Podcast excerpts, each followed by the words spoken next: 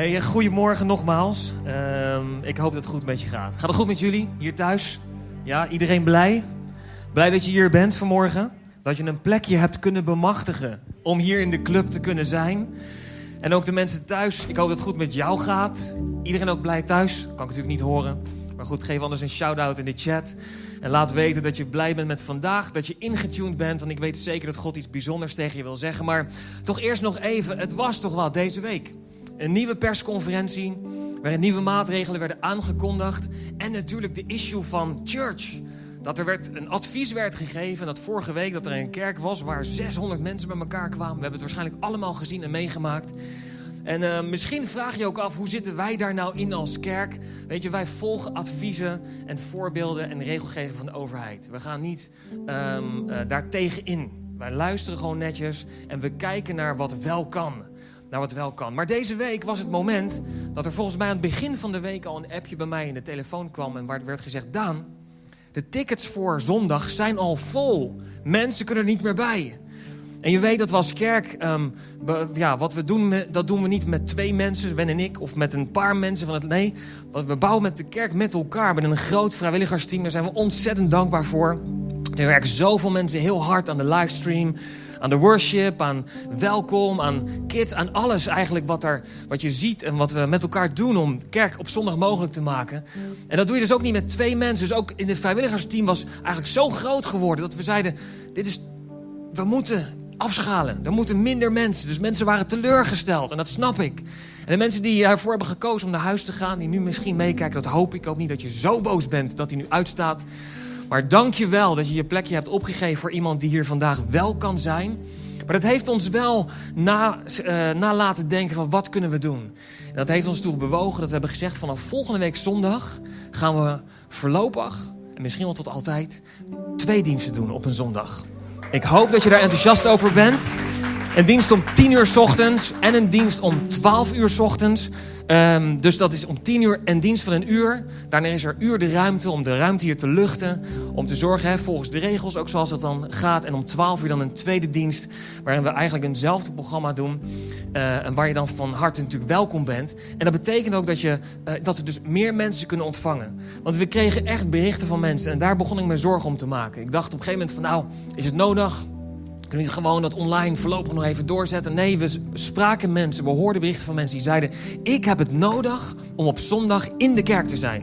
Ik heb het nodig om andere mensen te zien. Dat ik ze misschien niet kan aanraken. Oké, okay, so be. Maar ik heb het nodig om ze te zien. Om te zien dat ik niet alleen ben. Dat ik niet, weet je, alleen sta in deze situatie in waar we nu met elkaar doorheen gaan. En dat alleen al, alleen al om die reden, meer reden natuurlijk nog, maar aan deze reden alleen al vind ik voldoende om te zeggen: laten we kijken naar wat we wel kunnen doen. En dit is wat we wel kunnen doen. Dus weet je, bid met ons en wees erbij. Reserveer je ticket zometeen vanaf na de dienst. En uh, zorg dat je een plekje bemachtigt. En ook als je dus niet kunt, op het laatste moment dat je toch zegt: van nou, het gaat me toch niet lukken. Weet je, cancel dan je tickets, want dan komen ze namelijk vrij voor mensen die dan hier wel kunnen zijn. Dus laten we dit met elkaar echt goed doen. En weet je, dan, dat, is, dat is deel 1. Maar deel 2 is nog, hoe is onze houding nu ten opzichte van de overheid, ten opzichte van de maatregelen, ten opzichte van wat we om ons heen zien gebeuren. En we kunnen daar heel veel van vinden. We kunnen dingen heel geestelijk bekijken. We kunnen dingen ook praktisch bekijken.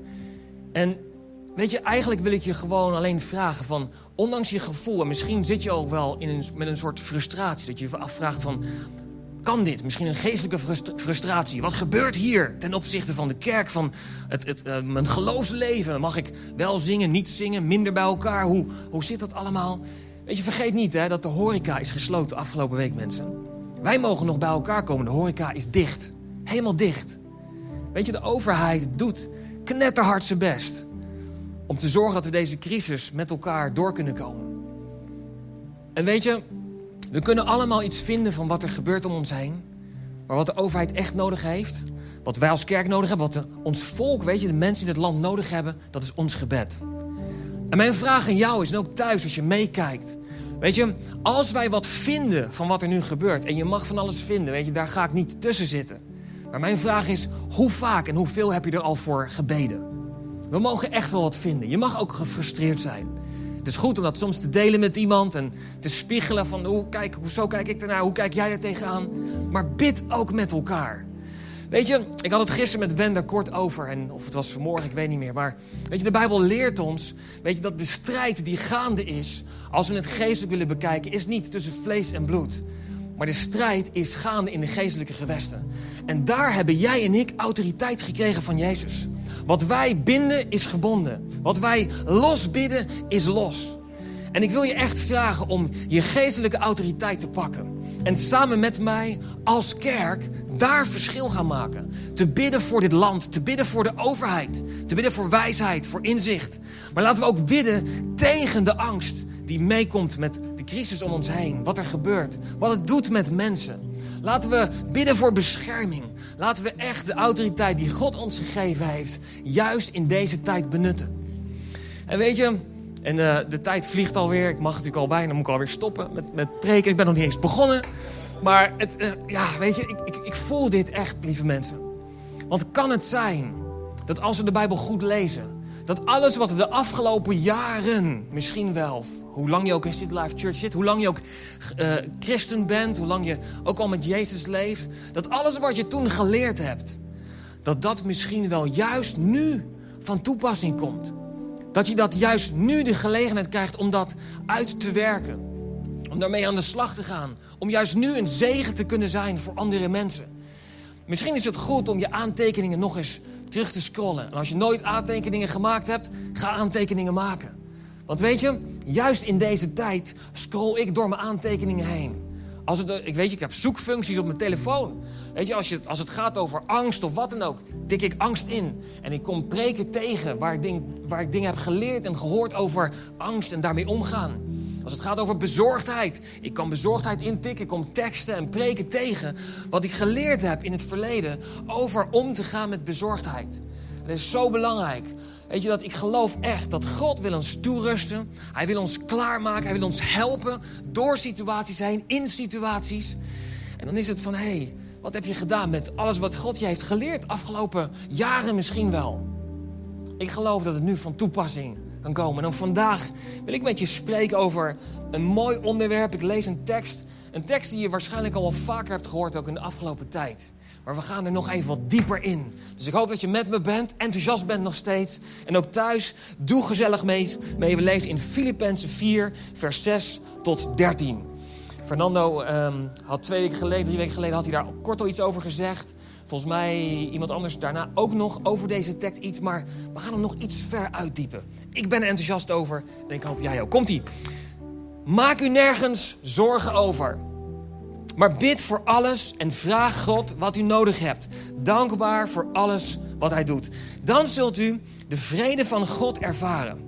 Een vrede die ons menselijk besef te boven gaat en die de wacht houdt over uw hart en gedachten, omdat u in Christus Jezus bent. Over deze tekst alleen al kunnen we misschien wel een paar uur praten.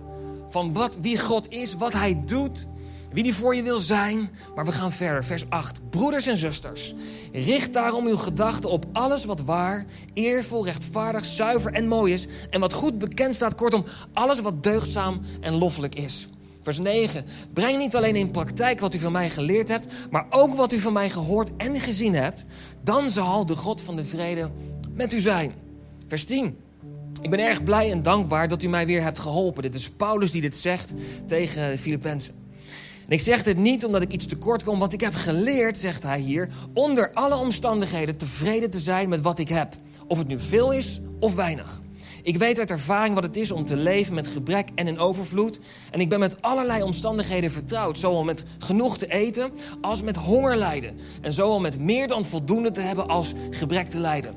Ik ben in staat te doen, zegt hij hier, alles te doen door Christus die mij daarvoor de kracht geeft. Wat een mooie, mooie tekst. En voor we verder gaan, Heer, wil ik u vragen. Wilt u spreken op dit moment? Helge Geest, wilt u door deze ruimte bewegen? Wilt u door de stream iedereen die thuis luistert, of misschien ook later in deze week? Heer, u kent onze situatie, onze uitdagingen en de vragen die we hebben, wat we nodig hebben voor dit moment. En ik vraag u, Heer, wilt u spreken door dit woord heen? Wilt u mij helpen om ja, te, te brengen, Heer, wat u wil doen vandaag? In de naam van Jezus. Jezus' naam. Amen. Wat hier voor mij de boventoon voert voor vandaag, voor het onderwerp, is, daarom heb ik ook de titel gegeven, hoe blijf je tevreden? Of misschien, hoe blijf je ontevreden? Nou, je snapt natuurlijk wel dat we het niet over ontevreden gaan hebben, maar dat we het gaan hebben over sleutels van hoe blijf je tevreden. Want dit is wat we lezen, hoe Paulus hierover spreekt.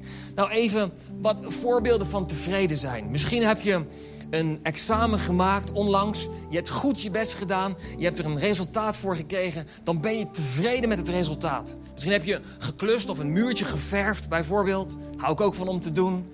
En dan kijk je daarnaar en dan denk je: ik ben tevreden met hoe het eruit ziet. Nou, allemaal, allemaal mooie voorbeelden. En weet je, het ding is als het gaat over tevreden zijn, is dat we dat op verschillende manieren kunnen invullen. En zo ook bijvoorbeeld naar onze kinderen. Op het moment als ze eten krijgen, en het is weer eens een gezonde maaltijd, en ze zeggen: eh, ik wil liever pannenkoeken. Weet je, dan zeggen we: nee, dit is nu wat je krijgt. Je moet tevreden zijn met wat je krijgt.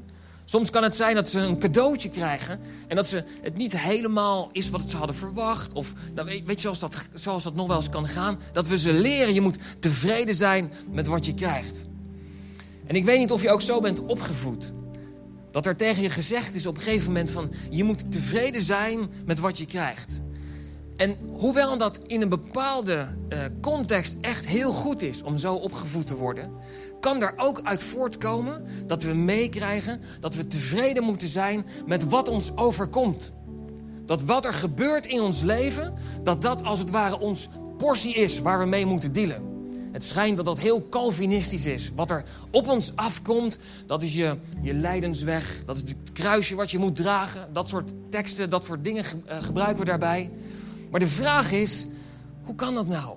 Is dat ook echt wat God zo bedoelt? Is het ook echt dat hij zegt van nou, wat, wat je overkomt, dat moet je dan maar ondergaan? Of kan het zijn dat God ook hier in de Bijbel ons misschien wel tips, tricks en tools wil geven, waarin hij zegt van nee, ik bedoel misschien iets anders? Weet je, het verhaal zit hem erin dat we, als we tevreden zijn met iets, dan is er altijd wel een reden om ontevreden te zijn over iets. Weet je, wat ik bedoel is dit. Op het moment als je nieuwe schoenen hebt gekocht, je kijkt ernaar, wauw, mooie nieuwe patta's.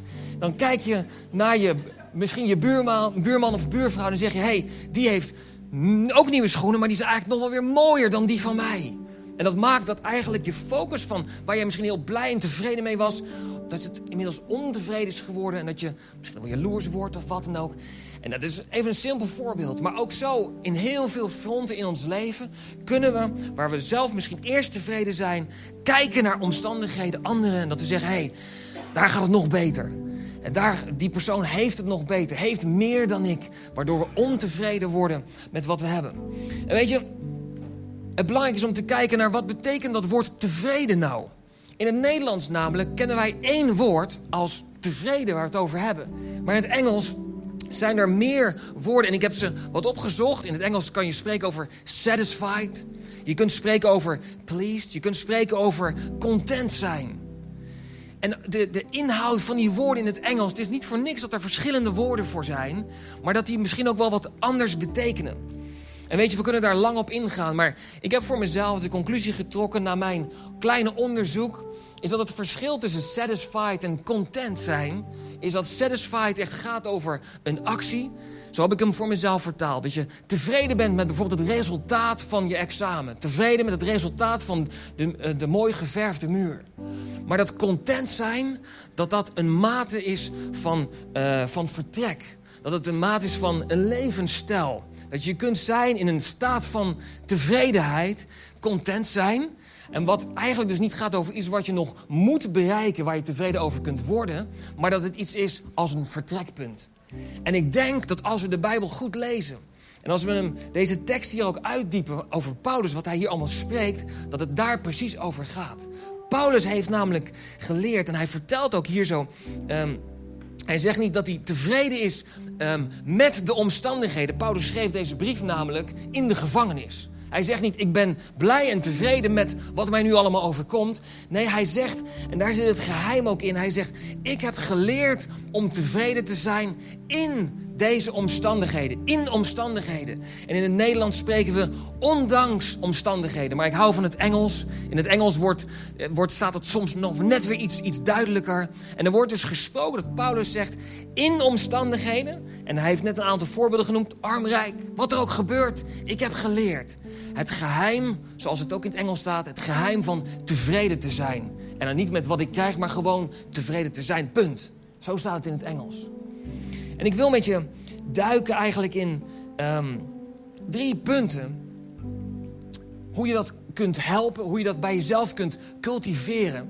Want het geheim zit hem dus niet alleen in het tevreden zijn, maar hoe kun je nou tevreden worden? Hoe kun je dat nou beoefenen?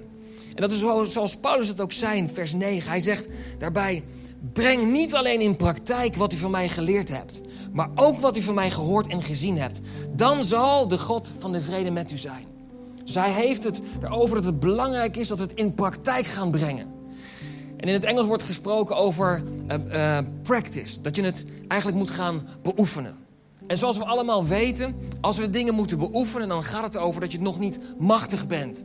Als je leert gitaar spelen, als je leert piano spelen, moet je beginnen met het eerste akkoord. En hoe vaker je dat doet, hoe vaker je dat herhaalt, hoe, hoe beter je daarin gaat worden. En kan het dus zijn dat ook dat gevoel van tevreden zijn, het misschien wel op zoek zijn naar vervulling in je leven, dat het van ons vraagt om beoefening, om dat vat over te gaan krijgen. Zodat we niet blijven najagen naar iets om uiteindelijk satisfaction te halen. Maar dat we vanuit een plaats van contentment tevreden zijn met gewoon wie we zijn als geloof. Gewoon wie we mogen zijn in Jezus, in God. Om van daaruit in en ondanks omstandigheden te kunnen blijven staan. En ik wil je drie punten noemen. We gaan er snel doorheen. Je kunt thuis echt nog heerlijk door deze tekst heen worstelen. Lees ook het Nederlands. Lees verschillende vertalingen. Lees het Engels ernaast. En ontdek wat God tegen je wil spreken. Het eerste punt is dit. Ik heb opgeschreven: leer vertrouwen. Leer vertrouwen. Wat de tekst ons hier leert is dat het begint met vertel aan God Weet je, wat je dwars zit. Vertel aan God al je, je, je, je troubles, al je zorgen. Breng het bij Hem. Weet je, en breng bij Hem bekend je verzoeken. Dan zal de vrede van God bij je komen. Maar waar dit over gaat, is dat we niet alleen alles gewoon aan Hem vertellen. En daarna gaan we door met ons leven. Het gaat erover dat wij um, in, in, in, dit, in, deze zoektocht over tevreden zijn. Is dat wij ons vertrouwen op Hem gaan stellen. Dat Hij degene is die het overneemt, die het beter weet dan dat wij het weten. Ik, ik vergelijk het altijd heel mooi met onze kinderen. Weet je, Zack mag nog geen auto rijden. Joy mag nog geen auto rijden. Snappen ze misschien niet, maar wij weten dat het beter voor ze is dat ze dat nog niet doen. Weet je, Zack mag, als we bijvoorbeeld de trap omhoog of naar beneden gaan bij, uh, bij een winkelcentrum, dan zeg ik altijd: Zack, als we naar boven gaan, mag jij voor. Als we naar beneden gaan, gaat papa voor. Want als die valt, weet je, dan valt hij dus tegen mij aan. Hij wil heel graag voorop. Maar als we naar beneden gaan, dan gaat papa voor. Hij snapt dat misschien niet, wil het, maar hij accepteert het. Hij accepteert het omdat hij weet dat papa het beter weet dan hij. En omdat papa voor hem zorgt. En dat is waar dit over gaat. Durven wij ons vertrouwen in God te stellen? Dat ondanks dat het antwoord op dit moment misschien soms nog nee is. Of dat omstandigheden niet zijn zoals we zouden willen. Maar durven we ons vertrouwen in God te stellen. Dat Hij degene is die het beter weet. En dat Hij uiteindelijk alles wat er ook gebeurt kan meelaten werken ten goede. Zoals het in zijn woord staat. Tweede punt is wat we lezen in de Bijbel. Eh, nadat we hebben gezegd, we hebben alles aan God gegeven. Richt daarna, weet je, uh, uh, jezelf naar alles. Even kijken of ik hem hier heb staan naar alles wat waar, eervol, rechtvaardig, zuiver, mooi, mooi is en wat goed bekend staat. Kortom, alles wat deugdzaam en loffelijk is. En hier is het een uitdaging. Want we worden dus, we hebben alles aan God gegeven, dan komt een soort vrede. Maar de Bijbel die helpt ons hierbij en zegt: nee, wacht, dat is stap 1. Dat is in je noodsituatie. Maar nu gaan we je helpen om hier zo, om in die contentment te kunnen blijven om in die rust en vrede en die tevredenheid te kunnen blijven. En dat is, shift je denken, je gedachten naar alles van alles wat issues zijn. Covid, corona, gedoe, dingen wat niet meer kan. Maar shift het naar Jezus. Shift het naar wat wel kan. Shift het naar, naar, naar God, naar je voorziener, naar degene die voor je zorgt, die van je houdt. En een sleutel hierin is echt worship. Aanbidding is de sleutel waarbij je je afkeert van jezelf, van alles wat er gebeurt, wat je voelt, wat er door je heen gaat. Maar waar je waar je, je gedachten en je hart richt op Jezus. Waarin je Hem op nummer 1 zet. Waarin dingen minder belangrijk worden. Dat er wordt gefocust van wat is echt belangrijk op dit moment in je leven. Wat is echt belangrijk op dit moment wat er, wat er gebeurt. En hier zit een grote aanval op. Hier zit een grote aanval op. Want het ding is op het moment als onze aanbidding wordt weggenomen, als wij God niet meer aanbidden, als wij niet meer een moment nemen om ons helemaal te focussen op Hem, wat blijft er dan over? Dan kijken we naar onszelf, we kijken naar onze omstandigheden. En uiteindelijk kan het dus ertoe leiden dat ja, er onrust ontstaat. Dat we ontevreden raken. Dat we niet meer goed zien wat, er nou, wat, wat God van ons vraagt. En het kan uiteindelijk ertoe leiden dat we ja, eigenlijk niet meer met God bezig zijn. En misschien zelfs in andere dingen oplossingen proberen te zoeken. Dus de uitdaging is om onze aanbidding scherp te houden. Om daar heel serieus mee bezig te zijn. Maar zelfs zo scherp dat we dat bewust, echt bewust moeten opzoeken. En weet je, als ik zo vrij mag zijn om daar iets over te zeggen, juist in deze tijd, juist in deze coronatijd zien we dat de aanval daarop is. Op ons samen zijn. Op, op, weet je, toch een angst waarbij we zeggen, nou, weet je, ik vind het op dit moment toch een beetje te spannend, weet je, om, uh, om, om in de kerk te komen. En dat mag omdat, er, omdat we met een virus te maken hebben. Maar we hebben livestream, lieve mensen. Je kunt nog steeds bellen met vrienden en vriendinnen. Je kunt nog steeds deel zijn van een connectgroep. En weet je, het is zo belangrijk om te zorgen dat je aanhaakt. En dat je een prioriteitskeuze maakt. En zegt, Heer, ik wil juist in deze tijd u zoeken. En weet je, de aanval zit hem erop dat we zeggen... Oh, het wordt me echt te veel. Ik, ik, ik heb echt rust nodig. Het is zo vol, zo druk in de week. Dat we dan zeggen, nou ik moet echt uitrusten in het weekend. En weet je, tuurlijk mag je uitrusten in het weekend. Begrijp me niet verkeerd. Maar weet je, maar waar maak je de keus wat echt belangrijk is voor jou? Waar maak je de keus door te zeggen, oké, ik wil echt God op nummer één. Want degene, en we hebben het lezen het in de Bijbel, die ons echt rust geeft, we hebben het nu al twee keer gelezen, is toch echt God. Je hebt hem nodig. Je hebt het nodig om bij Hem te zijn. Om in een omgeving te zijn waar we met elkaar naar God kijken. Je hebt vrienden, vriendinnen nodig die je helpen en bewust maken van... hé, hey, waar jij doorheen gaat, ik voel het ook. Of daar heb ik ook een uitdaging gehad. Of laat me voor je bidden. Laten we samen naar God gaan. Laten we samen kijken naar wat Hij tegen je wil spreken. En die God zal je gedachten vullen met rust en met vrede. En zal bij je zijn. Maar het is belangrijk dat wij die keuze maken om Hem bewust op te zoeken en Hem belangrijk te maken in ons leven.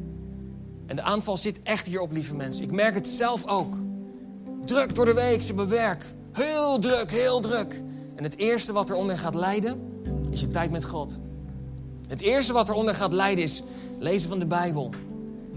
In tijd met Hem doornemen. Tijd met je gezin. Gaat, uh, volgt er achteraan. Weet je, en de vijand zit niet stil. Hij geeft de schuld aan van alles. Wat, ja, de kerk is zo druk. Nee, lieve mensen, het gaat mij nu over het ene uurtje in de week op zondagochtend. Het ene uurtje in de week op zondagochtend. Het gaat mij niet over 7 keer 24 uur. Het gaat over één uurtje in de week op zondagochtend. Je kunt een livestream intunen. Je kunt hier fysiek zijn. Weet je, om te ontdekken. Weet je, om bij God te zijn. Om te ontvangen wat Hij wil doen. En ik geloof daar zo sterk in. Ik merk het elke keer als we hier zijn in worship. Van wauw, yes Heer, dit moeten wij doen. We moeten hier zijn. We moeten met elkaar. Oké, ik uh, kan zo doorgaan. Ja, als jullie uh, horen mijn enthousiasme. Het derde punt, het derde punt, het derde punt. Het laatste punt is leef in het nu. Wat is dat nou weer voor moderne uitspraak? Wat ik bedoel is dat het tevreden zijn, de contentment van binnenuit, niet is iets voor de toekomst, voor dat gaan we ooit bereiken. Nee, dat is voor nu. Want Paulus legt hier uit en zegt: breng niet alleen in praktijk wat hij van mij geleerd heeft, maar ook wat hij van mij gehoord en gezien heeft. Dan zal de God van de vrede met u zijn. Dus hij vertelt eigenlijk in een soort drie stappen model, vertelt hij hoe dit werkt. Je begint, ik voel me zo bezorgd. Ik voel me, ha, Heer, ik, ik heb u nodig. Je geeft alles aan God. Hij vult je met nieuwe gedachten van vrede en met rust. Daarna legt hij uit. Richt je gedachten niet op alle negatieve dingen, op alles wat niet kan. Maar richt je op Jezus en ontvang van Hem.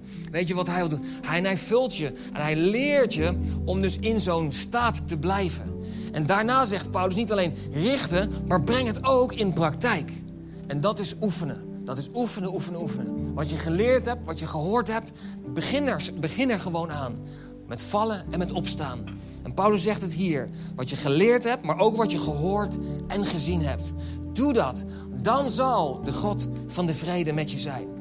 En weet je waar wij misschien voor onszelf op zoek zijn naar vrede? Waar we misschien op zoek zijn naar tevredenheid? Waar we op zoek zijn naar van binnen dat het op orde is. Dat ik me gewoon lekker voel. In deze zoektocht zul je ontdekken dat het uiteindelijk God is die vrede geeft. En dat God degene is die eigenlijk op zoek is naar jou. En ik wil een prachtig mooie tekst lezen waarin we richting de afsluiting gaan. Die staat in 139, Psalm 139, vers 7 tot 12. Hier staat, hoe zou ik kunnen vluchten voor uw geest? Waar zou ik voor u me kunnen verbergen? Als ik naar de hemel zou gaan, u bent daar. Als ik naar het dodenrijk zou afdalen, u bent daar ook. Als ik zou meevliegen met de opkomende zon of ik zou gaan wonen aan de andere kant van de oceaan, ook daar zou u mij leiden. Ook daar zou uw hand mij vasthouden. Als ik me in het donker zou willen verbergen, dan nog ziet u mij als op klaarlichte dag. Het donker kan mij niet voor u verbergen. Voor u is de nacht zo licht als de dag. In onze zoektocht naar tevredenheid, in onze zoektocht naar vervulling, naar van binnen rust, zul je ontdekken dat het God is die naast je staat en bij je is. En op zoek is naar jou. Dat Hij degene is die het wil geven aan je. We kunnen blijven zoeken naar andere dingen, naar andere oplossingen. Naar dingen die misschien tijdelijk bevrediging geven, tijdelijk tevredenheid, satisfaction geven. Maar uiteindelijk is het God die je echt zoekt. Die jou die contentment, content zijn, tevreden zijn als basis in je leven kan geven. En dit wil ik vandaag met je delen. Het kan zijn dat dit misschien voor jou is. Voor de komende tijd. Met deze nieuwe gedeeltelijke lockdown. Waar je denkt, oh Heer, wat is dit? Kan het zijn dat dit voor jou is? Om deze tevredenheid, deze rust te ontvangen. In stap 1, geef het aan God. Stap 2, richt je op Hem. In stap 3, breng het in praktijk. En dat mag met vallen en opstaan. God is zo goed. Hij is bij je, naast je. Laat je nooit alleen. En wil je zo graag helpen. Ik geloof echt dat we dit nodig hebben door zo'n tijd als dit. Door zo'n tijd als waar we nu gedeeltelijke lockdown hebben. En wie weet wat er nog meer gaat komen.